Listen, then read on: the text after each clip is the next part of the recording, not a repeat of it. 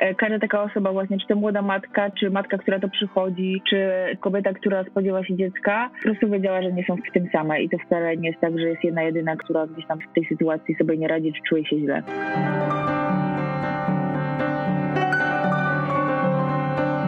Cześć, witajcie w podcaście Można Zwariować. Ja jestem Kleo z Fundacji Można Zwariować.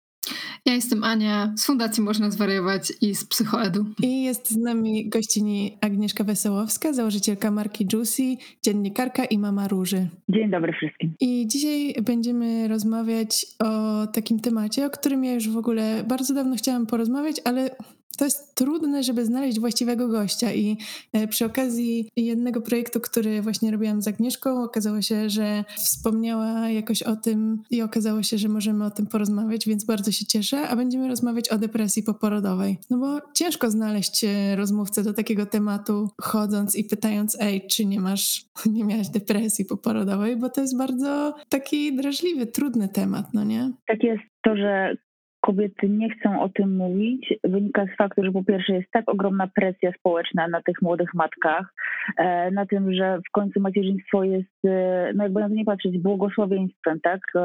Jest e, bardzo szczęśliwym momentem w życiu każdego człowieka i panuje jakaś taka totalna niezgoda i niezrozumienie tej kwestii, że no to szczęście też się wiąże z jakimiś tam trudnymi momentami i takim bez wątpienia jest y, sam e, poród i sam ten moment w ogóle przyjścia tego dziecka na świat. A no dlaczego? No dlatego, że z sytuacji powiedzmy to, nazwijmy to względnie życio- e, komfortowej e, życiowo, czyli tego, że jako młode kobiety mamy tak naprawdę na swojej głowie tylko siebie, swoje kariery, swoją drogę zawodową, utrzymanie domu i zapewnienie sobie jakiejś tam względnej wygody.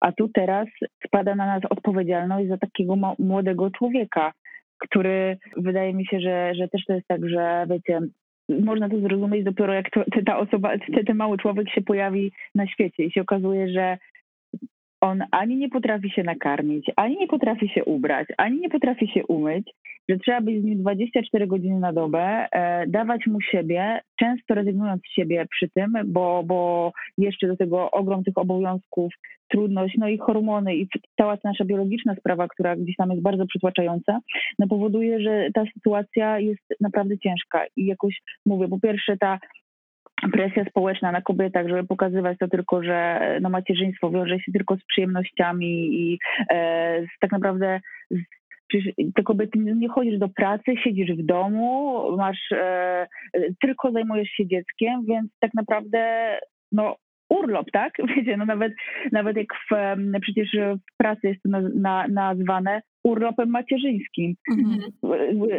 Wiecie, szczerze, ten okres, pierwszy rok w ogóle z życia dziecka, nie ma nic związanego z urlopem. Jeżeli ktoś w tym czasie w ogóle jeszcze potrafi ogarnąć to, żeby wyjechać z takim maluchem na, na e, rzeczywiście na urlop, to szapoba, ale zapewniam, że na tym urlopie również się nie odpocznie. I wydaje mi się, że to z tego wynika, że właśnie ta presja społeczna jest tak ogromna, że te matki są e, społecznie zmuszane do tego, żeby się uśmiechać, żeby pokazywać, jakie mają idealne życie, jak bardzo dbają o te dzieci, jakie te dzieci są wypieszczone, pięknie ubrane, e, przechodzące, wiecie, wszystkie etapy, uczące się już od pierwszych miesięcy po prostu języka chińskiego i tak dalej, i tak dalej. I jest ogromny problem z tym, żeby kobiety się przyznały, kurczę, jest to dla mnie trudne, jest to dla mnie ciężkie. A ty, zanim jeszcze urodziłaś dziecko, przygotowywałaś się do tego właśnie w taki sposób, patrząc na te piękne obrazki z Instagrama, czy e, na przykład zastanawiałaś się nad tym, czy na przykład dotkniecie baby blues, czy to w ogóle nie było w e, jakimś obszarze twoich zainteresowań? Wiesz co, to jest tak, że biologia tak to sprytnie e, zorganizowała, że w mózgu kobiety zachodzą takie zmiany, że ja byłam totalnie zamknięta na wszelkie mm, sygnały, takie właśnie porady moich koleżanek e, czy innych kobiet, e, że tak się może zdarzyć, tak? Bo, bo gdzieś tam takie sygnały dochodziły. To będzie trudne, tam to będzie trudne. Ja to słyszałam, tylko że wiecie, dzisiaj z perspektywy czasu mam wrażenie, że ja byłam tak zamknięta w takiej bańce mm, na zasadzie na pewno mnie to nie dotknie, ja sobie poradzę, przecież ja nie jestem jedyna na świecie, która ma dziecko, nie ja pierwsza, nie ostatnia. Wiecie, kobiety setki lat temu sobie z tym radziły, no to co ja, ja dzisiaj, w dzisiejszych czasach, kiedy mam, wiecie, samochód, dach nad głową, e, jakąś tam względnie ustabilizowaną sytuację materialną w życiu, wspierającego męża i super gdzieś tam rodzinę, no to ja sobie nie dam rady, no i, i wiecie, to są takie kolejne elementy, które powodują, że kiedy już dochodzi do tej sytuacji, tego zderzenia się z tą ciężką rzeczywistością, kobieta sama sobie mówi, no kurczę, no ja przecież nie mogę się przyznać do tego, że coś jest nie tak. No przecież mam wszystko, mhm. żeby, żeby było mi łatwo, więc fakt tego, że ja sobie z tym nie radzę w tej sytuacji, to jest jeszcze takim, wiecie, jakby nakręceniem mnie, że coś ze mną jest nie tak, nie?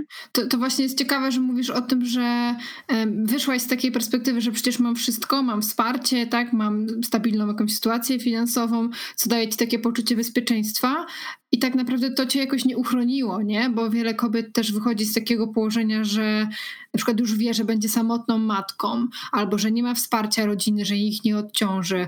I tak naprawdę każde doświadczenie jest zupełnie inne, tak? To też nie będzie oznaczało, że taka osoba od razu e, zapadnie na, w depresję poporodową, bo może akurat będzie, e, będzie się czuła na siłach i da sobie radę. To jest bardzo, bardzo indywidualna kwestia, nie? I, i nawet tak jak my się nastawimy, to, to też nie, nie uchroni nas. A właśnie przygotowując się do tej rozmowy, w jednym artykule przeczytałam coś, co mnie zaciekawiło, czyli kto jest w tej takiej grupie ryzyka podatności właśnie na depresję poporodową. No i oczywiście tam są kobiety bez wsparcia, samotne matki, osoby na przykład z grupy ryzyka, jeśli chodzi o zaburzenia psychiczne, które już wcześniej miały depresję, zaburzenia osobowości, HAD czy coś takiego, ale również perfekcjonistki. Hello, to ja. Tak pomyślałam właśnie, że to tak możesz jest. być ty.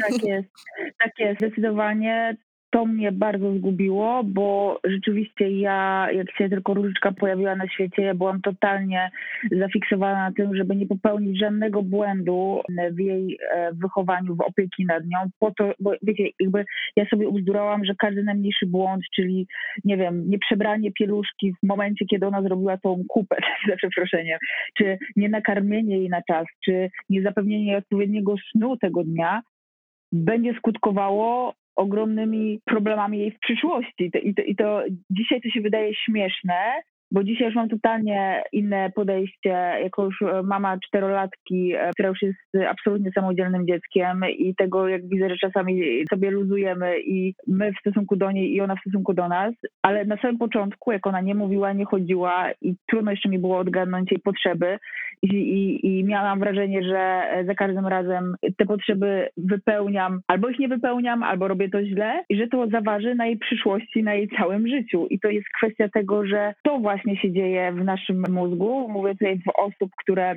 które myślę zmaga, zmagają, czy będą zmagać się z problemem, który ja doświadczyłam, że to, co się dzieje w głowie takiej matki, jest tak nie do wytłumaczenia i nie do, do zrozumienia tak długo, jak się nie weźmie w tą głowę, że to powoduje, że ta kobieta się czuje taka wyobcowana i opuszczona. I tak jak powiedziałaś, Aniu, nie ma to kompletnie żadnego znaczenia, jakie masz zaplecze pomocy, bo żadne pieniądze, żaden człowiek nie wejdzie ci do głowy i ci tego nie poukłada po prostu, tak?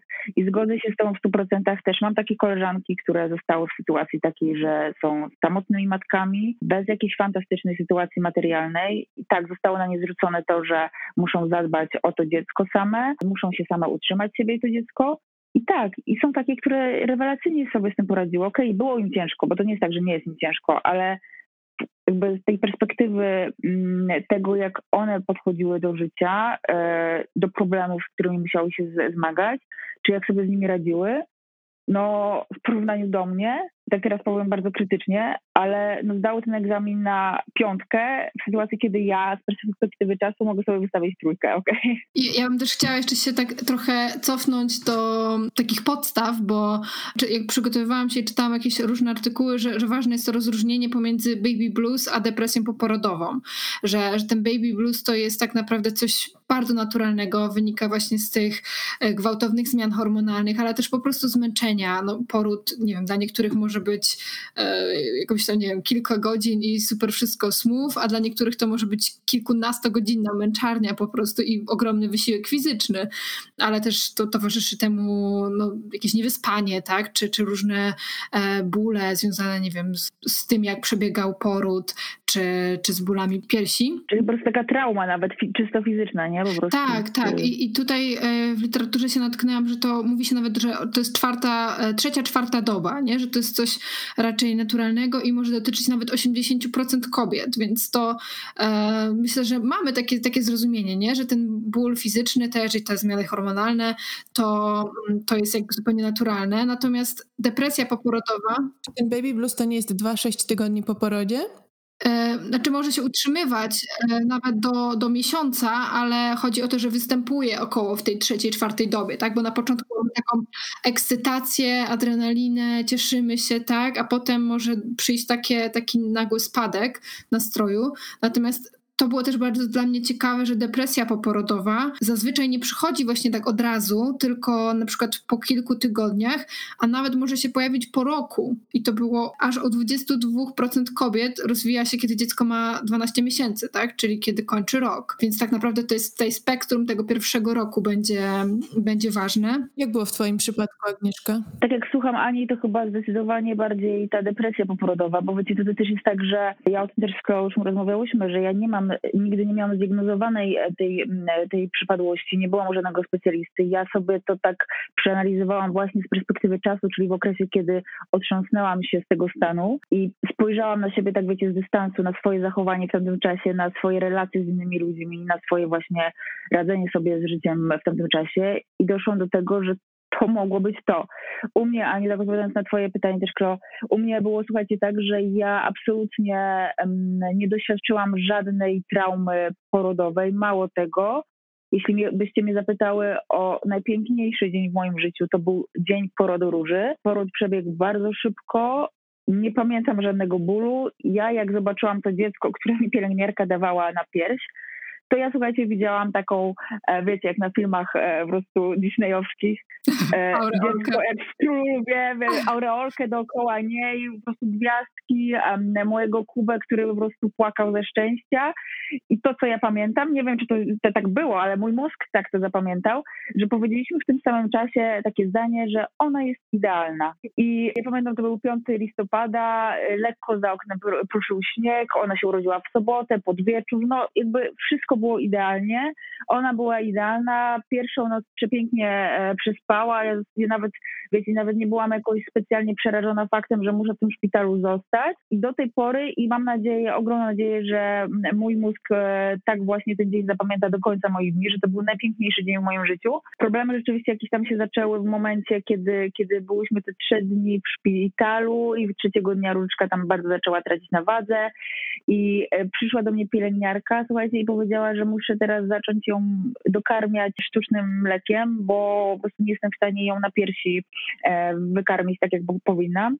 I sam fakt tego, że ona kazała mi dać to mleko zmodyfikowane dla dziecka, wywołał we mnie taki płacz i taką histerię, że ja tej położnej po prostu tam płakałam chyba przez dwie godziny i nie mogłam się uspokoić, bo dla mnie właśnie a propos tego perfekcjonizmu, o którym mówisz, Kleo. To już nie jest perfekcyjny sposób karmienia, nie? Tak, że ja sobie ubzdurałam, że będę taką idealną matką, która będzie po prostu ją piersią karmić, bo przecież to jest dla jej zdrowia, tak? I, i jak mi ta pielęgniarka powiedziała, że musi pani ją dokarmić mlekiem modyfikowanym w trzeciej dobie jej życia, to ja myślałam, słuchajcie, że się zapłaczę na śmierć. I później zaczęła się cała taka lawina związana z tym, że no właśnie, wyszłyśmy ze szpitala, to mój mąż nie spełnił moich oczekiwań, bo nie było w domu balonów, wiecie, imprezy, konfetti, wytajcie w domu, że łóżeczko było nieposkładane, że to wszystko było takie nieprzygotowane. To tak naprawdę znając mojego męża powinnam była być do tego przygotowana, a nie wiem dlaczego sobie wyzdrołam, że w tym przypadku będzie inaczej i, i zrobi to, co ja chcę, czytając moje myśli, bo nigdy mu tego nie wyartykułowałam, że bardzo bym chciała i tak dalej.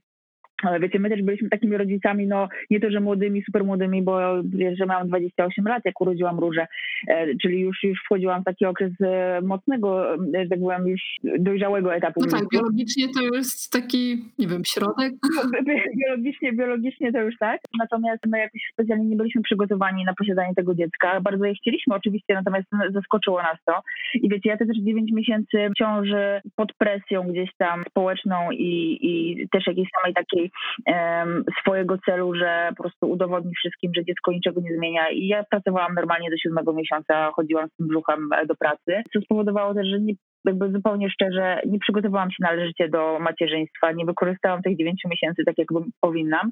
No i to wszystko, wiecie, spadło na mnie, a tak jak e, mówię, ten perfekcjonizm mój nie dopuszcza takiego elementu luzu, spontaniczności w życiu. Jak on się mhm. pojawia, to ja tracę poczucie bezpieczeństwa, tracę grunt pod nogami i się zaczyna cała fala i lawina takich e, przypadków, w których ja reaguję po prostu nerwami. I jakby tak, jeżeli miałam sobie przypomnieć pierwsze miesiące życia Róży, to był we mnie, był to wieczny stres z tym, że ona nie może zasnąć, że nie chce jeść, że nie mam e, pokarmu, żeby ją wykarmić, że po prostu, wiecie, sąsiedzi się przyprowadzili, robią remont i teraz dziecko nie może spać, bo jest hałas, że jest zima ja muszę całe dnie spędzać e, z nią na dworze, bo po prostu jest w domu hałas, e, że mąż nie wraca na 17 z pracy, że jestem z tym sama. No, masa takich um, drobnych rzeczy, które spowodowały, że ja byłam w totalnie fatalnym stanie psychicznym.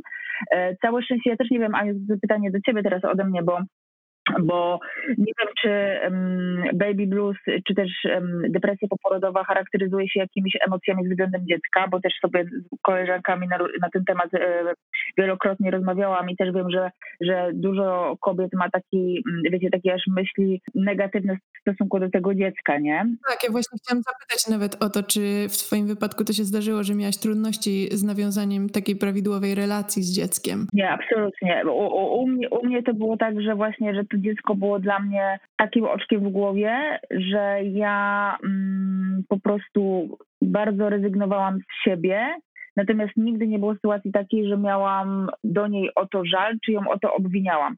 Bardziej ten żal i to obwinianie właśnie zrzucałam na męża i tutaj, e, tutaj on był ofiarą tej, tych, tych emocji. I to, że właśnie na przykład jak były dni takie, że nie byłam w stanie, słuchajcie, ogarnąć tego, żeby pójść do toalety czy wziąć prysznic i chodziłam w piżamie od rana do po prostu wieczora, nie jedząc nic, bo tak się tą różą zajmowałam, wszystko po robiłam że byłam wściekła na tego Kubę, jak on wracał z pracy, że jestem w tej piżamie i jeszcze nie miałam czasu pójść do toalety, tak? Um, I to się na nim wyżywałam bardziej i, i tutaj mieliśmy spięcia, aniżeli z Różą. Nie, absolutnie w stosunku do niej nigdy nie miałam takiego poczucia, że to jest jej wina i że, nie wiem, lepiej, żeby jej nie było bo wiem, że są też takie, mm, takie czasami myśli nachodzą te kobiety i to nie wynika absolutnie z tego, że nie kochają swojego dziecka, tylko że ta sytuacja jest tak trudna, że też system nerwowy gdzieś szuka ujścia tym negatywnym emocjom, nie? Natomiast no mówię, u mnie, u mnie to się skupiało na mężu. Tak, to jak najbardziej może mieć związek z relacją z dzieckiem, ale nie, nie w takim znaczeniu, że nie wiem, ktoś tego dziecka nienawidzi jakoś, e, ale po prostu może być e, właśnie bardziej odnosić się do takich przekonań, że jestem złą matką i ja temu dziecku, nie wiem, nie zagwarantuję czegoś, co powinno, nie? Też może przytoczę, bo znalazłam bardzo fajne m, takie właśnie objawy, które powinny wzbudzić niepokój i, i to też zostało przygotowane przez Fundację Rodzić po ludzku. Czym się może charakteryzować e, depresja poporodowa? E, mamy obniżenie nastroju, to już jest e, takie dość oczywiste, ale też wyraźny spadek zainteresowań lub odczuwania przyjemności z takich wszelkich form aktywności, tak? Więc nawet jeśli będę chciała sobie odpocząć, nie wiem, dziecko śpi, to nie czujemy tej przyjemności.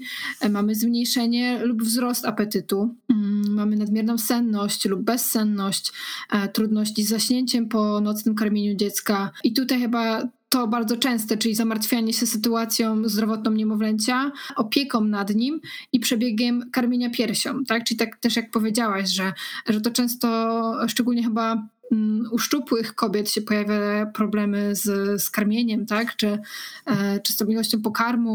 To ja też w ten temat bardzo gdzieś tam wnikałam nie, to, to absolutnie jakby nie ma związku z wagą, posturą i tak dalej. Mhm. Słuchajcie, karmienie piersią to jest głowa. I znowu, i to jest takie zamknięte koło. Tak, bo to jest głowa, to są po prostu hormony, to też jest chemia, która się wytwarza w głowie kobiety. I to jest tak, że okej, okay, możesz być totalnie zafiksowana, tak jak ja, na to, żeby karmić piersią, mhm. ale jeżeli jakby czysto chemicznie twoje ciało nie jest synchronizowane z głową, to ten pokarm się po prostu nie, nie tworzy, tak? Czyli ta, ta presja też to utrudniała pewnie, nie? Tak, na 100%, bo to tak, że jeżeli, wiecie, kobieta jest wyspana, wypoczęta, jest super się, się czuje, czerpie radość z tego karmienia, wszystko idzie smooth, super e, gładko i to się sprawdza i działa i kobieta tego chce, to takie kobiety mogą karmić, wiecie, nawet latami, tak? Jak są takie przypadki, to Polsce nawet dwu, trzylatki, ja też mam swoją opinię na ten temat, ale to nie, to nie teraz o tym rozmawiamy, no to to wynika z tego, że te kobiety po prostu tak się fantastycznie czują w tym roli macierzyńskiej i tak bardzo gdzieś tam to karmienie jest spójne z, z jej ciałem i z jej podejściem tego dziecka, że, że ona, jej to ciało po prostu ten pokarm wytwarza. Możecie sobie o tym poczytać, bo to jest, to jest super, e, super ciekawe właśnie, czym jest ta laktacja, tak? Laktacja to jest jakby zbiór i hormonów i oczywiście naszego tam fizycznego usposobienia, e, natomiast mm, to wszystko musi razem zagrać, tak? I wiele położnych i wiele też takich właśnie doradców laktacyjnych, bo ja miałam w ogóle e, też pomoc od, od też no racji tutaj chociażby tam znajomości. Mm, miałam doradców z firmy Medela, gdzie takiej, takiej najbardziej, naj, największej międzynarodowej firmy wspierającej właśnie kobiety i sprzętowo, i gadżetowo po, po psychologicznie i, i tak fizycznie, no to, no to wiele położonych mi właśnie to powtarzało, tak, że Aga, jeśli ty już nie możesz karmić, czujesz, że jesteś zmęczona, że to jest trudność, albo na przykład to, że o dziecko e, nie chce stać piersi, to to powoduje taki stres i taką takie zamartwianie się tej, tej matki, że po prostu w mózgu się przestawia i coraz mniej tego mleka i tak dalej, i tak dalej. Oczywiście to nie jest jednorazowa sytuacja, to nie jest tak, że raz jak ci nie wyjdzie, to już koniec śluz, tak, nie, nie ma tego pokarmu.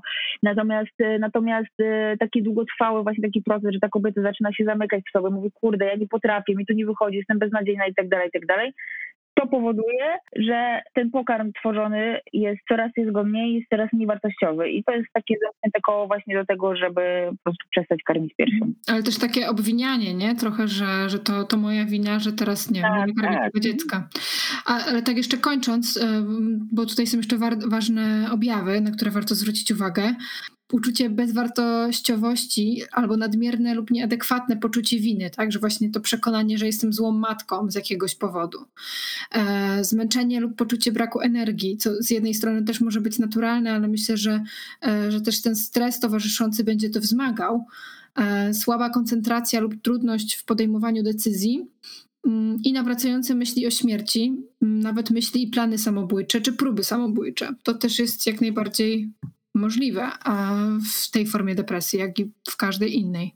Chciałabyś opowiedzieć trochę o tym, jak w ogóle u ciebie to się rozwinęło, bo mówiłaś, że to nie zaczęło się tak od razu, że to nie były te tam pierwsze doby po porodzie, tylko, tylko że ten e, smutek się rozwinął trochę później. Chciałabyś powiedzieć o tym, kiedy to się stało, jakby ile to też trwało, jak patrzysz na to z perspektywy, a, a jeśli pamiętasz, to co, co sobie myślałaś o tym wtedy? E, jasne, to tak jak powiedziałam wcześniej, mm, Uważam, że u mnie to, to był taki proces, który się zaczął od tego tak naprawdę powrotu do domu i takich małe rzeczy, które mnie tak strasznie po prostu irytowały. Tego, że ja sobie po prostu z tym e, maluszkiem nie radziłam tak, jak ja bym chciała. Ja też nigdy wcześniej nie miałam niemowlaka, nie miałam styczności z, takim, z takimi małymi dziećmi, bo nie miałam w rodzinie w zasadzie oprócz mojego brata stycznego, który był dwa lata ode mnie młodszy, to nie miałam później już młodszych dzieci, więc nawet, nawet nie miałam jako nastolatka kilkuletniego dziecka mm, w swoim otoczeniu, więc kompletnie nie wiedziałam, czym to się je. Kompletnie nie chciałam słuchać, jak byłam w ciąży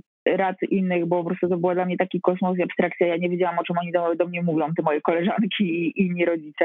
W moim środowisku też do tej pory było bardzo mało dzieci, a jak już się rodziły u moich znajomych przed nami, to wiecie, jak to jest, to się ucina kontakt, bo oni mają dzieci, oni nie mogą wyjść na kolację, nie mogą iść do klubu, nie mogą się spotkać, dzwonić się do nich, to nie mogą, e, bo teraz dziecko śpi, teraz je coś tam, coś, no zawsze spotkać dziecko, więc jakby naturalnie się tych um, znajomych odcina, a później jak się ma dziecko, to się właśnie do nich wraca i się odcina tych bez dzieci To jest bardzo, bardzo ciekawe e, w ogóle zachowanie socjologiczne. No w każdym razie ja rzeczywiście mm, Wiecie, ja się tak zamknęłam w ogóle w domu z tą różyczką, że mój mąż tak chodził, spotykał się z znajomymi, a ja nigdzie nie chciałam z nią iść to też Aniu, co ty powiedziałeś, że przestało, um, przestało mi sprawiać radość to, co do tej pory było moją gdzieś tam taką rozrywkową rutyną. Mhm. Nie wychodziłam do znajomych, nie wychodziłam z nią z domu w zasadzie oprócz tych spacerów sam na sam, no bo właśnie o tej godzinie miało być karmienie, o tej godzinie miało być spanie, a jak tamci nie mogli o tej godzinie, nie mogli się nas dostosować, bo mieli jakieś swoje inne zajętości, to z nią nie wychodziłam. Poza tym każde wyjście z domu z nią mm, e, jakby rosło w mojej głowie do jakiejś wyprawy po prostu na drugi koniec świata. I to już mnie ograniczało i bardzo stresowało, tak, gdzie ją przewinę, gdzie ją przewinę, jak ja ją nakarmię tą piersią w tej restauracji, wiecie, to było masę takich rzeczy, które dzisiaj się wydają tak totalnie naturalne, zwykłe i proste, tak, że to powodowało, że ja po prostu się z tym dzieckiem autentycznie na chyba rok zamknęłam w domu sporadycznie były jakieś sytuacje, w których mnie Kuba tam wyciągał, żebyśmy poszli do knajpy, nie wiem, spotkali się z innymi i każda zawsze ta sytuacja kończyła się jakimś dramatem na zasadzie właśnie o, albo wielkiej awarii pieluszkowej i ja właśnie na przykład zapomniałam wziąć jej na przebranie i już Kuba na mnie, nie pomyślałaś o tym, ja na niego, a ty też nie pomyślałeś, no i to dziecko za przeproszeniem w tym całym zawartości swoich jelit na ubraniu tym razem e, wracało do domu, my pokłóceni, wiecie. I to są takie małe rzeczy, które powodują, że tak się zamykasz w sobie, a to też, to też na koniec dnia też wynika, Ania, w dużej mierze z tego, co ty powiedziałaś, czyli tego zmęczenia. No trudno uniknąć zmęczenia w sytuacji, kiedy ma się niemowlaka i kiedy czasami, no ja przez pierwszy miesiąc, słuchajcie, spałam może po, nie wiem, trzy razy w nocy po 15 minut, tak? Bo ona się budziła, ja jeszcze z tą presją tej, tej, tego karmienia, więc wykonywałam takie zalecane przez położną ćwiczenia laktacyjne z laktatorem. Cykl trwał w ten sposób, że róża zasypiała, za trzy godziny się budziła na karmienie, więc ja ją karmiłam, co też trwało czasami po półtorej godziny, bo tak ciężko nam to szło. Potem ja ją odkładałam, ona spała dalej, a ja przez 45 minut robiłam ćwiczenia laktacyjne z laktatorem. Kładłam się na 15 minut i ona się znowu już budziła, bo zanim ja umyłam ten laktator, zanim wszystko przygotowałam na kolejną sesję, no to zostawało mi tam 15 minut do tego, żeby ona do kolejnej sesji tak naprawdę karmienia bo to trwa co 3 godziny, tak, co 3 godziny dziecko się budzi, więc jak ma półtorej godziny karmienia, plus 45 minut laktatora, plus jeszcze 15 minut go umycia, położenia się do łóżka, no to zanim zasnęłam, to ona już się budziła i od nowa i ja tak przez miesiąc funkcjonowałam. Ja byłam Jezu, to brzmi jak takie przedsięwzięcie po prostu. To na koniec dnia, no właśnie, to jest, wiesz, to jest takie proste, to jest nasza biologiczna czynność, do której jesteśmy dostosowane po prostu odkąd się pojawiłyśmy na świecie. A ja z tego zrobiłam po prostu takie wyzwanie i takie przedsięwzięcie, do tego nakładające się zmęczenie, brak zrozumienia mojego męża w tym, co jestem, bo dla niego właśnie przecież no to jest dziecko, no każdy ma dziecko i każdy sobie z tym radzi i daj spokój. A ja miałam tego nie, to jest właśnie, to trzeba do tego podejść, to trzeba rozplanować, to musi być tabelka, to musi być wszystko idealnie zrobione i byłam też w tym zupełnie sama, bo gdybym miała od niego wsparcie, na dobra, to ty teraz o tej godzinie chcemy ją karmić, to ty ją e, nakarm, ja w tym czasie, nie wiem, e, zrobię pranie, a później ja się z nią pobawię, a ty sobie pójdziesz e, się wyspać, nie? Tutaj nie było teamu do, do końca, bo każdy z, z nas miało trochę inny pomysł na, na wychowanie i obsługę tego dziecka i to powodowało, że mimo tego, że wiecie, miałam człowieka w domu do pomocy, to i tak w tym wszystkim byłam zupełnie sama. W tym moim planie, na który ja się uparłam, byłam sama bo on był tak uparty, żeby zrealizować swój plan, że też mnie w tym nie, nie wspierał. No to słyszę, to właśnie jakoś tak e, też się w tym izolowałaś, w tym uczuciu, że tak. jakoś e, to jest też częste, że, że właśnie wiele kobiet ma opory, żeby w ogóle powiedzieć o tym, że jest im trudno, że nie wiem, właśnie nie dają rady, tak, że mają za dużo obowiązków, no bo spodziewają się takiej oceny, takiego, że, że właśnie, że są leniwe, że są niekompetentne, że nie potrafią się zająć własnym dzieckiem,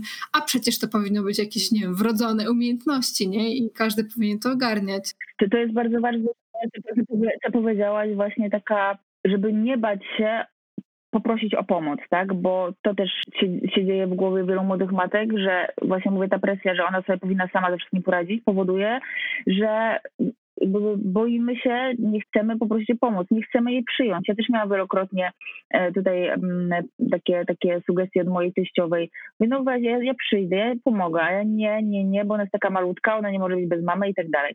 Ja miałam dopiero, słuchajcie, dopiero tam tak oprzytomniałam. Że... Czyli też tak odrzucałaś w sumie takie, mm, takie oferty pomocy, że tak powiem. Tak, tak zdecydowanie. Zgodziłam się i to, to, to jest taki mój anioł stróż, który mi przyszedł i trochę mi w tym pomagał, ponieważ e, tutaj po też namowie jakichś tam znajomych mieliśmy kontakt do opiekunki, która właśnie nie była stricte panią, która przychodzi się tym dzieckiem zajmuje, ale właśnie tak pomaga w rozwoju, czyli ona się tak wstrzeliła w mój plan, bo ja tak bardzo chciałam to dziecko wypieścić i, i, i tutaj e, wesprzeć w rozwoju. No i ta kobieta miała mi w tym pomóc, ale okazało się, że ona była takim moim e, psychologiem, weszła w rolę bardziej mojej mamy niż opiekunki nad dzieckiem. I ona mi rzeczywiście pomagała z tą różą i pokazywała mi, że potrafi gdzieś tam zadbać i bardzo mocno stawia na jej rozwój. Mhm. A pani miała jakieś, jakieś wykształcenie? Nie wiem, była może pedagogiem czy o, Tak, tak, tak. Ona, by, ona jest pedagogiem z wykształcenia. Zresztą dzisiaj mamy z nią kontakt, jeszcze Różyczka ją czasami odwiedza, więc to jest gdzieś tam taka, taka relacja, wiecie, od, od urodzenia. Mhm. Ma wykształcenie pedagogiczne, ale do tego jest bardzo właśnie zafascynowana całą psychologią i e, tym rozwojem tego małego człowieka od, od urodzenia, ponieważ to właśnie Jola mi um, tłumaczyła to, że, że to, co się wydarzy w pierwszych trzech latach tego dziecka w kontekście jego rozwoju emocjonalnego Dokładnie. ma ogromny wpływ na to, jakim ona będzie człowiekiem. Ja teraz w ogóle czytałam książkę na temat lęku przed bliskością i w ogóle lęku przed związkami.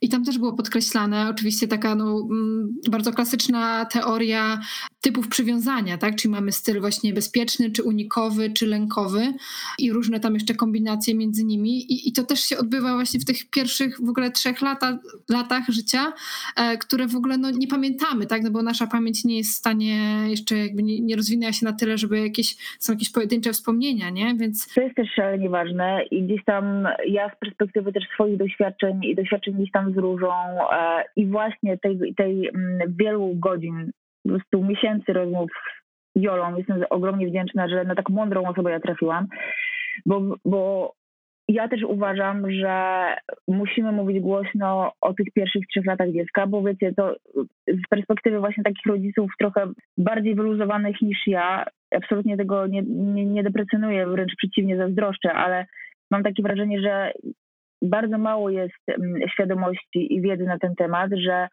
no, tego człowieka właśnie kształtuje się w tych pierwszych trzech latach, tak? Że mhm. to, to jest czas, żeby poświęcić mu czas, energię, emocje, żeby rozmawiać o tych emocjach z tym dzieckiem, mimo tego, że ono jeszcze może nie mówić, ale jego przyzwyczajać do tego, tak? Um, pokazywać mu, co jest dobre, a co złe. To prosty mechanizm neuronów lustrzzanych, tak? Że jeśli dziecko płacze, to matka robi e, jakiś przykry wyraz twarzy i to dziecko widzi emocje na twarzy matki, która jest po prostu tym lustrem i uczy się, że okej, okay, że, że w takim razie to jest ten smutek, nie? E, jeśli matka się cieszy do dziecka, które się też cieszy, no to dziecko uczy się, że okej, okay, tak wygląda radość. No dziecko nie patrzy w lustro i jak wygląda jego twarz, kiedy płacze, czy się, czy, czy się cieszy, e, tylko właśnie uczy się tego od matki. Ale też to, co powiedziałaś, mi się skojarzyło, że, że no właśnie te pierwsze trzy lata są tak ważne, ale też jak jak zachęcać młodych rodziców, e, żeby właśnie nie wyjść z, takiego, z takiej narracji, że, że to jest tak ważne, że teraz musisz poświęcić każdą chwilę, żeby z tym dzieckiem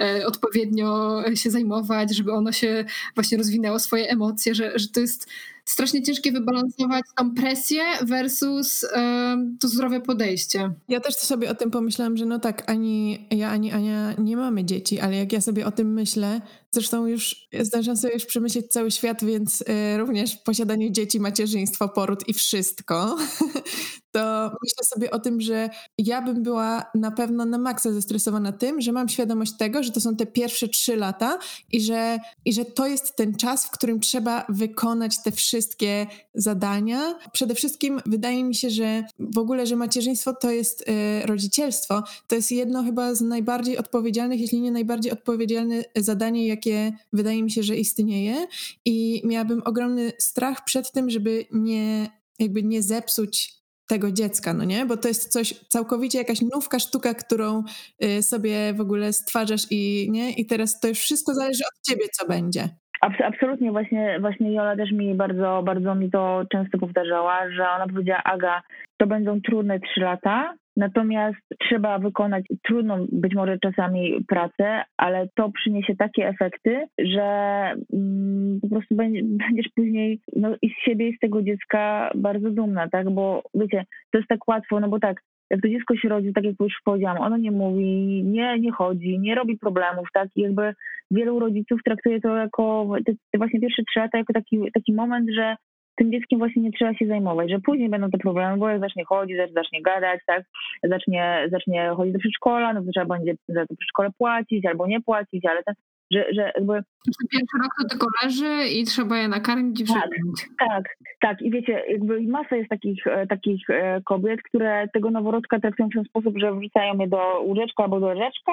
Jeżeli nie płacze, to się zajmują innymi rzeczami, albo pracują, albo i, i super, ale no ja miałam tego takie podejście, że właśnie te trzy lata ja poświęcam totalnie Róży i rozwojowi i to się wiązało z tym, że jak przychodziła do nas Jola, a ona przychodziła do nas dwa razy w tygodniu wtedy, no to nie miałyśmy po prostu siedzenia, gotowania obiadów i gadania sobie o koleżankach i płyskowania, tylko były ćwiczenia fizyczne z tą Różą, tak przewracanie jej na bok, wsparcie jej też w takim rozwoju fizycznym, bo to też jest turbo ważne, żeby to dziecko, żeby ten mózg się prawidłowo rozwijał, to musi przejść wszystkie etapy po kolei, tak? Czyli jak ktoś cieszy się z tego, że jego dziecko nie raczkowało, tylko od razu wstało i poszło, to nie świadczy wcale o tym, że e, to dziecko jest tak zdolne, tylko to świadczy o tym, że właśnie pominęliście bardzo istotny element w rozwoju mózgu, który później w przyszłości może skutkować tym, że dziecko będzie miało problemy z czytaniem, z pisaniem, z koncentracją itd., tak itd. Tak to są takie bardzo ważne rzeczy, o których wiecie. I teraz tak, nikt o tym nie mówi. Nie uczą nas tego w szkołach. Rodzice nasi tego nie wiedzą, no bo my jesteśmy z pokolenia, no wiecie, jakby to jeszcze jak nasi rodzice byli rodzicami i my byliśmy dziećmi, to, to nikt o tym nie wiedział. Bo to było wszystko na jolo. Tak, w, w, wiecie, w Polsce dzieci były chowane, chowały się same na podwórkach i to było super, ale już gdzieś tam ta nauka też poszła do przodu.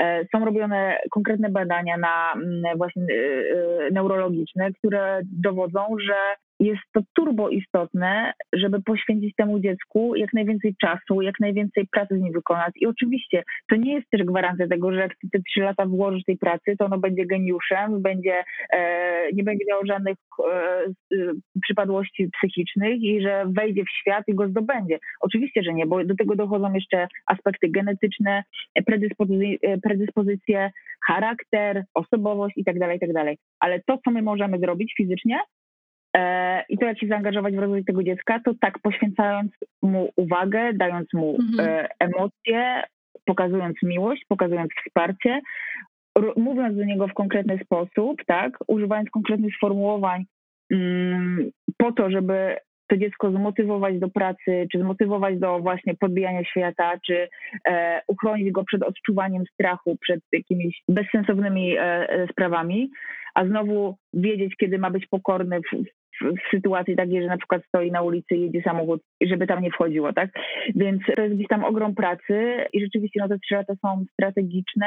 Pierwszy rok jest turbo ciężki, bo do tego jeszcze właśnie dochodzą te aspekty fizyczne, które trzeba, trzeba się zająć. No i tak, no krótko mówiąc, wracając do naszego tematu, jest to taki moment też tak, tak, tak, tak, takie rzeczy, które, których ja gdzieś tam byłam świadoma i tak jak Kleo powiedziałaś, to też mi gdzieś tam to poczucie odpowiedzialności bardzo mi ciążyło, nie? Żeby, żeby tutaj po prostu słuchajcie, no bez, bez wsparcia drugiej osoby, bez pomocy jest to cholernie trudne zadanie, żeby to dziecko idealnie wychować. Jest takie powiedzenie, na pewno je znacie, y, it takes a village, czyli że, do, że potrzeba całej wioski do wychowania dziecka. Nie macie wrażenia, że teraz w obecnych czasach to się po prostu, ten krąg tej wioski się bardzo, bardzo, bardzo zmniejsza, aż do momentu, w którym właśnie czujesz, że że nie miałaś takiego wsparcia obok siebie, bo po prostu nie było wystarczająco dużo osób i też tak sobie myślę, że to jest bardzo adekwatne, jeśli chodzi nie tylko o wychowanie samego dziecka, ale też o takie wsparcie młodej matki, no nie? Wy, wyobrażając sobie, że jesteś w jakiejś takiej społeczności, która nawzajem wspiera taką osobę, no to zawsze masz kogoś do pomocy, a obecnie mieszkając w dużych miastach, bardzo często jesteśmy tego całkowicie pozbawieni. To jest w ogóle super, że, że się Agnieszka zwróciłaś do takiej właśnie nie opiekunki typowej, tylko do takiej osoby, która też ma jakieś kompetencje, a może, może trochę ciebie wesprzeć, ale też wesprzeć to dziecko w rozwoju. No tak, to było naprawdę super, bo, bo wiecie, jak już też nabrałam za, za e, ufania do Joli, no to jak ona któregoś dnia powiedziała, dobra, ja przychodzę, weszłam, ty, ty idź, idź. A ja mówię, ale gdzie, jak, po co? No mówię, nie wiem, idź do sklepu, na kawę, umów się z koleżanką, nie wiem, idź do kosmetyczki, do fryzjera, nie wiem, masz trzy godziny do kolejnego karmienia, tak? Masz trzy godziny wolne. Idź, zajmij się sobą. A ja, wiecie, wyszłam z tego domu i ja mówię, coś, wiecie, ludzie, ja samochody. Jak weszłam do sklepu, do zwykłego spożywczego supermarketu, jak zobaczyłam ilość tych rzeczy, y, kolorów i tak dalej, to ja po prostu ja była ufolutkiem, nie? Jeszcze odpowiadając na twoje pytanie, zdecydowanie to tak jest, że przez to, że gdzieś tam każdy z nas coraz bardziej się zaciśnia w swoim środowisku, że właśnie mieszkamy w, w, zwłaszcza w dużych miastach, nie mamy tych sąsiadów. Czasami jest tak, wiecie, że mieszkamy przez x lat w bloku, a nawet nie wiemy, jak się nazywają nasi sąsiedzi, nie wiemy, jak mają na imię, nawet nie wiemy, czy oni mieszkają w tym bloku, jak się mijamy na, na patio, tak? Czy ja mam powiedzieć dzień dobry, czy, znaczy mówię zawsze dzień dobry, ale nie wiem, czy on tu mieszka, czy przyszedł do kogoś w odwiedziny, nie? A e, kiedyś to było rzeczywiście tak, że no, jak na wsi się mieszkało, e, no to czy w mniejszym mieście, tak jak ja się wychowałam, no to e, wiecie, te dzieciaki już w takim wieku, jakim jest teraz moja róża, no to tylko przebierały nogami, żeby wyjść na podwórko i po prostu pobawić się, pograć piłką, co też tak na koniec dnia oczywiście sprzyja rozwojowi, absolutnie. A ta matka miała czas na to, żeby ugotować obiad na spokojnie, ogarnąć, albo spotkać się z drugą matką, gotowała obiady dla, całej, dla dwóch rodzin, tak, przy tym sobie pogadały, e, ponarzekały, e, te dzieci się razem bawiły. No i tak to było. A te, teraz przez to, że mm, po pierwsze właśnie zamykamy się w coraz to mniejszych e, takich grupach społecznych, do tego coraz więcej osób rezygnuje z kolejnego potomka, tak, i zostawia, zostajemy z tym jednym dzieckiem no, które jak nie ma w domu towarzystwa, czy nie ma towarzystwa w swoim otoczeniu, no to, to jest naturalne, że też tego towarzystwa domaga się od nas. I wtedy to dziecko jest jeszcze bardziej absorbujące, tak? Więc te wszystkie jakby takie czynniki społeczne też tym kobietom nie ułatwiają poradzenia sobie z to, to, to presja społeczna odbija się właśnie zarówno nie wiem, na matkach, które, które pierwszy raz się zmagają z, e, z wychowywaniem dziecka, jak i potem na tych dzieciach dorastających nastolatkach, tak, które są przesiąknięte jakąś popkulturą, e, mają nie wiem, wyobrażenia bardzo globalistyczne na temat świata, e, jak i potem, nie wiem, młodzi dorośli, którzy też myślą, że możesz po prostu, nie wiem, pracować, zwiedzać świat jednocześnie, ale to nie zawsze wychodzi, więc na pewno ta, ta zmiana społeczno-kulturowa z ostatnich tam kilkudziesięciu lat ma, ma na nas ogromny wpływ i e, i to, co też e, dla nas jest ważne, dzisiaj w ogóle wypuściłyśmy odcinek, który był o stygmatyzacji, ale też o normalizacji, czyli właśnie takie mówienie, że, że to jest okej, okay, że możesz nie dawać rady, tak, że twoja mama dawała radę z wychowywaniem ciebie, bo, bo po prostu były inne czasy, a ty masz teraz inne wyobrażenia, inne oczekiwania i to jest okej, okay, jeśli po prostu te oczekiwania się rozjadą z tą rzeczywistością. A tak, a to się bardzo często słyszy.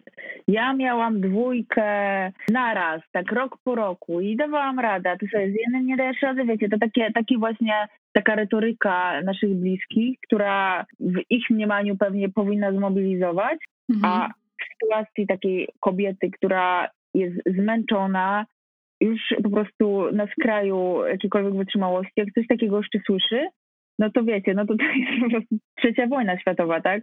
To, co się dzieje w głowie, w sercu i później... No tak, to jak, jak, jak powiedzieć, nie przesadzaj. No tak, ale właśnie to też jest taki kolejny wątek, może do jakiegoś innego tematu, jakbyś była zainteresowana. A propos tego, ja w ogóle mam dużo takich psychologicznych, bo właśnie Jola mnie zaraziła tą, taką fakturą, e, ale to, to, właśnie to też jest, też jest taki temat, o którym właśnie czytałam, o e, negatywnym motywowaniu o tym, co my, Polacy, mamy kulturowo we krwi, to jest to, że mm, i to, co przekazujemy dzieciom właśnie od małego, to jest motywacja negatywna, czyli poprzez mechanizm porównywania, bo Jaś dostał piątkę, a ty tylko czwórkę. I wiecie co, ja to całe dzieciństwo słuchałam. Przysięgam, całe dzieciństwo ja tak jechałam no, przez, przez, przez mojego ojca, tak byłam tak ciągle temperowana bo twoja siostra, bo, bo coś tam. I to spowodowało to, że moja siostra starsza ode mnie, która zawsze miała, była świetnie się uczyła, była najpiękniejsza, najwyższa i w ogóle wszyscy się w niej kochali i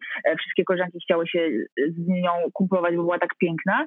To spowodowało, że ja po prostu miałam, my miałyśmy tak fatalny kontakt, my się ciągle lałyśmy, ja w ogóle, ona nigdy nie była moją kumpelą z takich lat, wiecie, e, maleńkości. Dopiero zaczęłyśmy ze sobą rozmawiać, jak się wyprowadziłyśmy z domu. Jakiś czas odbyłyśmy w swoich środowiskach daleko od siebie jakby nie było tej rywalizacji między nami, mhm. bo nikt z moich znajomych nie wiedział o istnieniu Ewy, a nikt z Ewy znajomych nie wiedział o moim istnieniu jakby w takim codziennym funkcjonowaniu.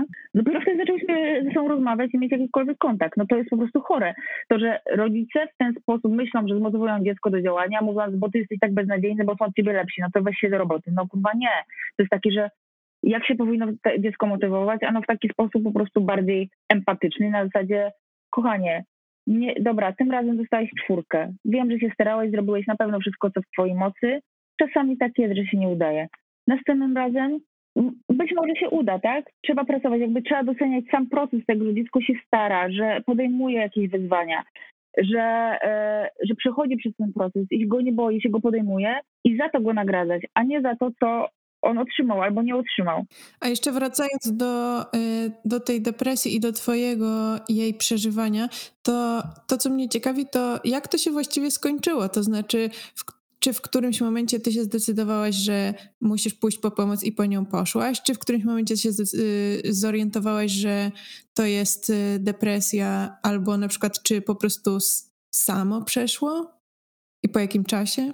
Wydaje mi się, że znowu życie mnie do tego zmusiło, żeby się z tej depresji poporodowej otrząsnąć, um, a było to gdzieś tam też związane z e, poważnym stanem zdrowotnym, jakie e, Różyczka przechodziła, o którym nie, nie, nie chcę teraz za bardzo mówić, ale, ale naprawdę to był taki moment, kiedy cały świat się nam zwrócił do góry nogami. E, i była to ogromnie trudna sytuacja, ale ona jakby mi tak trochę, trochę mną potrząsnęła potrząsnęła też Kubą trochę i jakby zrozumieliśmy, że to, co mamy najważniejsze, to jest róża i my siebie nawzajem. I od tego momentu gdzieś tam też, też nasza relacja tak, tak naprawdę pod kątem wychowania róży się turbo, turbo poprawiła. No i, i, i tak, ja, ja się przez to, że byłam jakby w kolejnej takiej sytuacji traumatycznej, otrząsnęłam się z tego i zobaczyłam, że są też jakby jakieś takie większe problemy, tak, i, i, i że muszę się wziąć w garść. To, co mi ta sytuacja, o której mówię z różą, pokazała, to jest absolutnie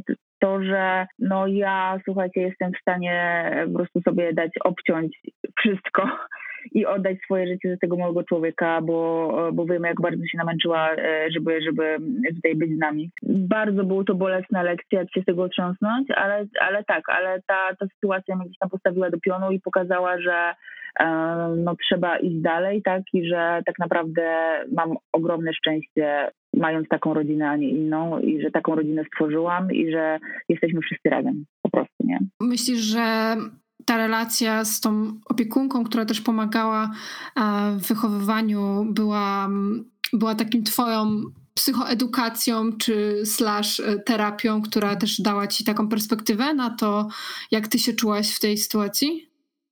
Jak najbardziej. Ja to twierdzę w ogóle, że gdyby nie Jola, to ja nie wiem, jakby to się wszystko skończyło i co by się z moją głową stało, bo ona naprawdę mnie bardzo mocno kołczowała. Oprócz tego, że mnie wspierała przy, w opiece mm, nad różą, no to bardzo dużo rzeczy mi wyjaśniała. Na przykład też dużo takich, wiecie, aspektów gdzieś tam relacji e, damsko-męskich, w których ja po prostu już nie wytrzymywałam, a ona mówiła, no i co Aga, jakby, on mówi, to ty myślisz, że tak jest tylko u ciebie? Nie, tak jest wszędzie, jakby to, to, to, to, to jakby mm, tak jesteśmy różni z mężczyznami, że oni nie są w stanie skumać tego, co się dzieje w głowie e, i w sercu kobiety i ty nie oczekuj, to nie jest kwestia tego, że twój jest jakiś niedorozwinięty czy, czy fatalny przypadek, tylko to jest kwestia tego, że no oni są dostosowani czysto psychicznie, biologicznie do innych tematów i nie są w stanie zrozumieć tego, w jakich my jesteśmy sytuacjach. I powiem Wam zupełnie szczerze, że tak, tak też z autopsji, obserwacji i takiego e, badania społecznego e, w obrębie moich najbliższych znajomych, widzę, że naprawdę nawet najbardziej empatyczny, wyrozumiały, kochający, uległy i tutaj możecie sobie całą masę innych epitetów wykorzystać i dodać. E, mówię teraz o mężczyznach, nawet najbardziej oddany, kochający i tak dalej, nie jest w stanie wejść w buty matki. Nie jest, oni nigdy nie będą w stanie.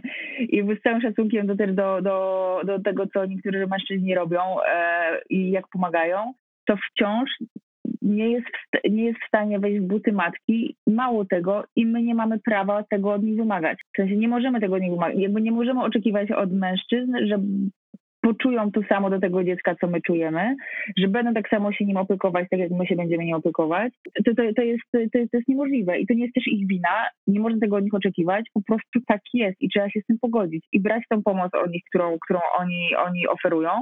E, ja też wiecie, ja, ja mieszkam tutaj w Warszawie na Wielanowej, to jest taki cudowny widok naprawdę, gdzie, gdzie to taka dzielnica bardzo takich młodych e, ludzi, młodych rodzin.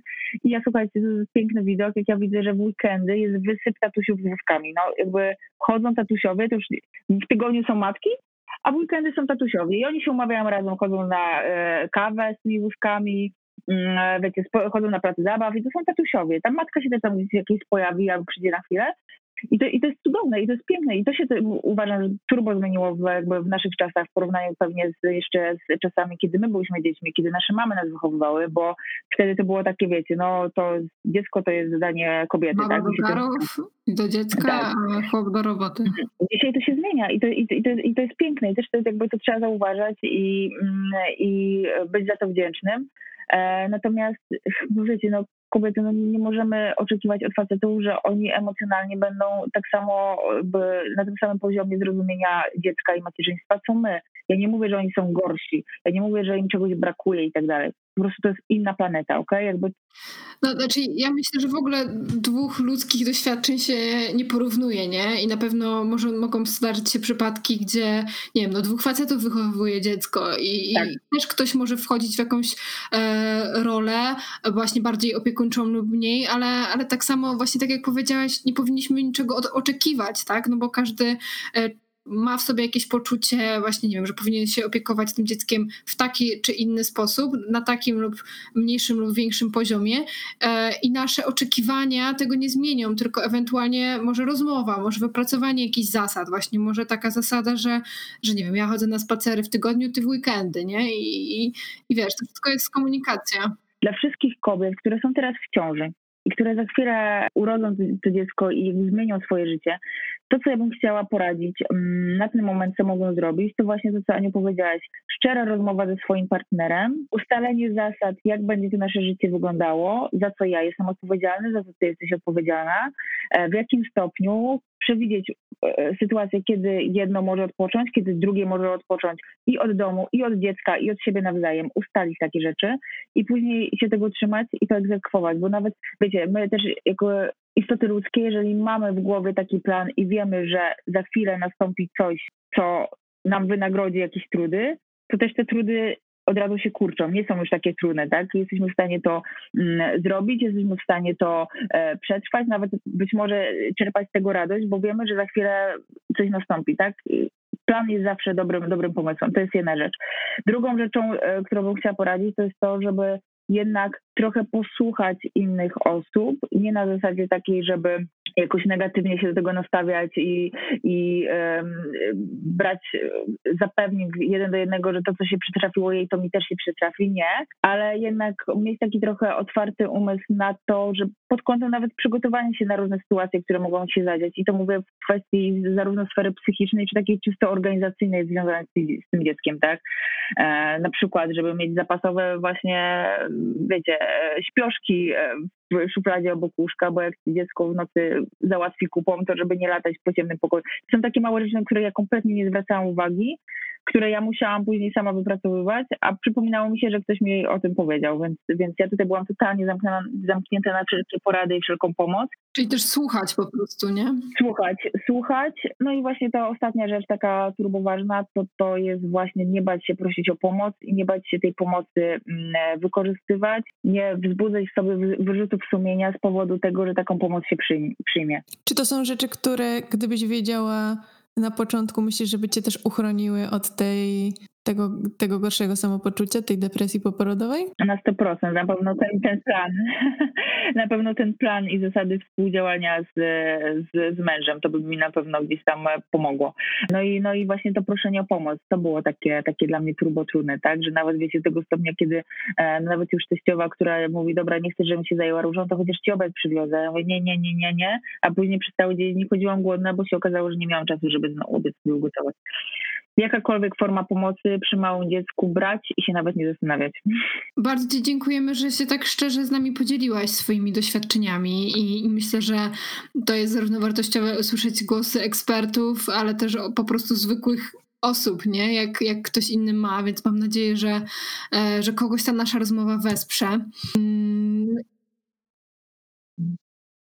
Żeby e, każda taka osoba właśnie, czy to młoda matka, czy matka, która to przychodzi, czy kobieta, która spodziewa się dziecka, po prostu wiedziała, że nie są w tym same i to wcale nie jest tak, że jest jedna jedyna, która gdzieś tam w tej sytuacji sobie nie radzi, czy czuje się źle. To jest myślę bardzo ważne. Także ja też dziękuję Wam za zaproszenie. Mam nadzieję, że Was nie zagadałam, że nie, nie zasnęliście.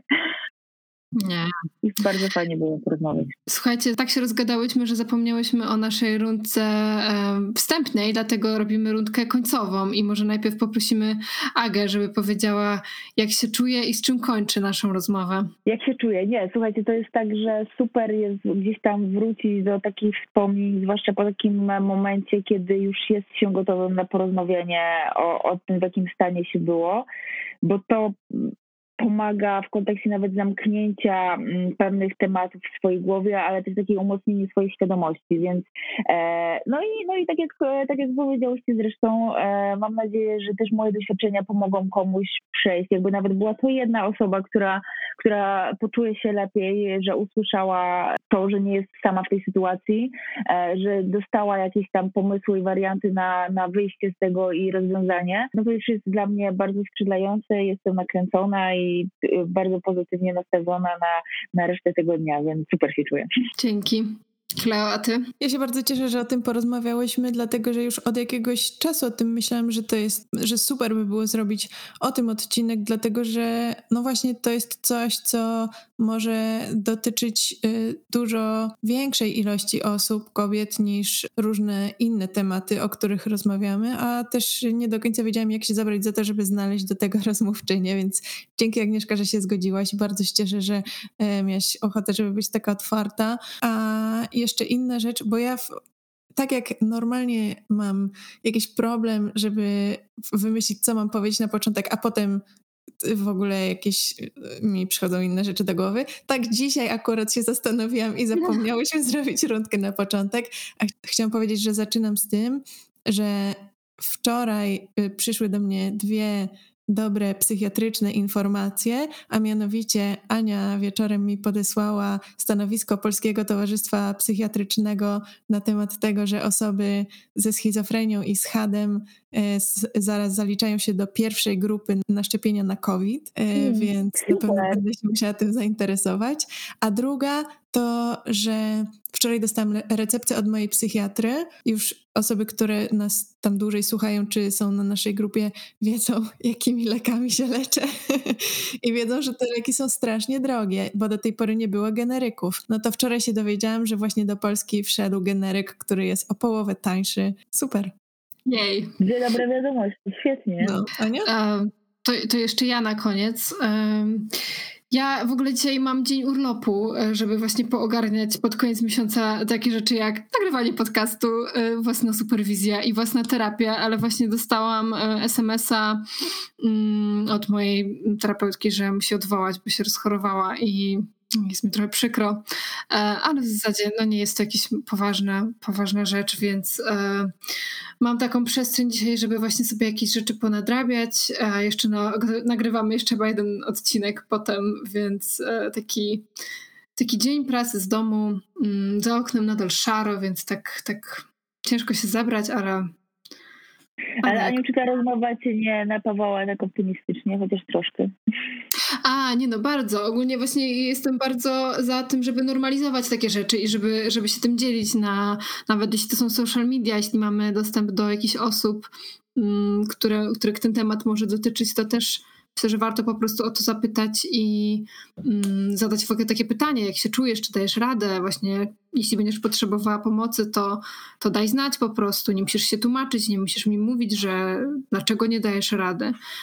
Ja też w ogóle myślę, że własna historia się zawsze broni, bo to nie jest tak, że próbujesz uczyć kogoś o, y, o jakichś zaburzeniach czy coś takiego, tylko jeśli to przeżyłaś i jeśli tak czułaś, to tak jest. I jakby nie ma tutaj miejsca za bardzo na podważanie tego, czy wiesz o co chodzi, że to nie jest e, psychoedukacja, tylko właśnie mnie, u mnie to wyglądało w ten sposób. Jeśli u ciebie wygląda podobnie i też się tak czujesz, no to możesz zrobić to i to, albo to może pomóc, albo może to minie za jakiś czas i tak dalej, że jestem osobą, która to przeżyła i z tego wyszła. Ja mam wrażenie, że to są e, takie jak to się nazywa, świadectwa, które e, mają zawsze ogromną siłę. Ja, ja, też od siebie chciałam powiedzieć, e, że wiecie, wy robicie kawał dobrej roboty i tak jak powiedziałam też Kleo, tobie ja oczywiście będę gdzieś tam was wspierać, e, jak tylko będę mogła bo mm, ja sobie tak myślę, że ja jestem dziennikarzem z wykształcenia i zawodu, ja 12 lat pracowałam w zawodzie,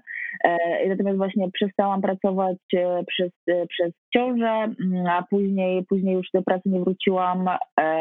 I to też był taki moment, kiedy te media się tak drastycznie zmieniły.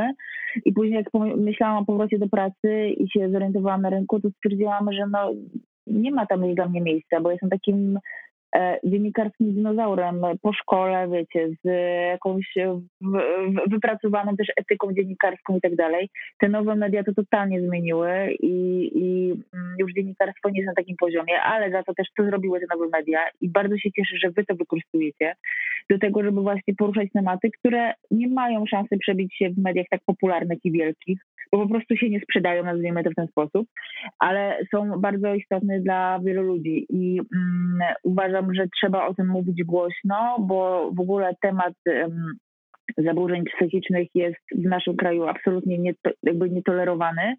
E, a tak jak patrzę, też nie jestem diagnostą absolutnie, ale, ale mam wrażenie, że to gdzieś tam dotyka bardzo wielu osób, a one nawet o tym nie wiedzą. A być może za każdym razem taka taka rozmowa jedna czy druga i pokazanie, że nie ma się czego wstydzić i to nie jest um, nic złego, że to dotyka wielu osób, zachęci te osoby nawet na taką refleksję, czy być może trzeba się sobą zająć być może w tym aspekcie. Więc dziewczyny naprawdę e, świetna robota, cieszę się, że to robicie. Trzymam kciuki i oby tak dalej i róbmy też wszystko wspólnie, żeby te osoby, które tego wsparcia potrzebują, chociaż je znalazły w internecie, o tak. Dzięki. Jasne, dzięki. Pa! pa. Dzięki, pa!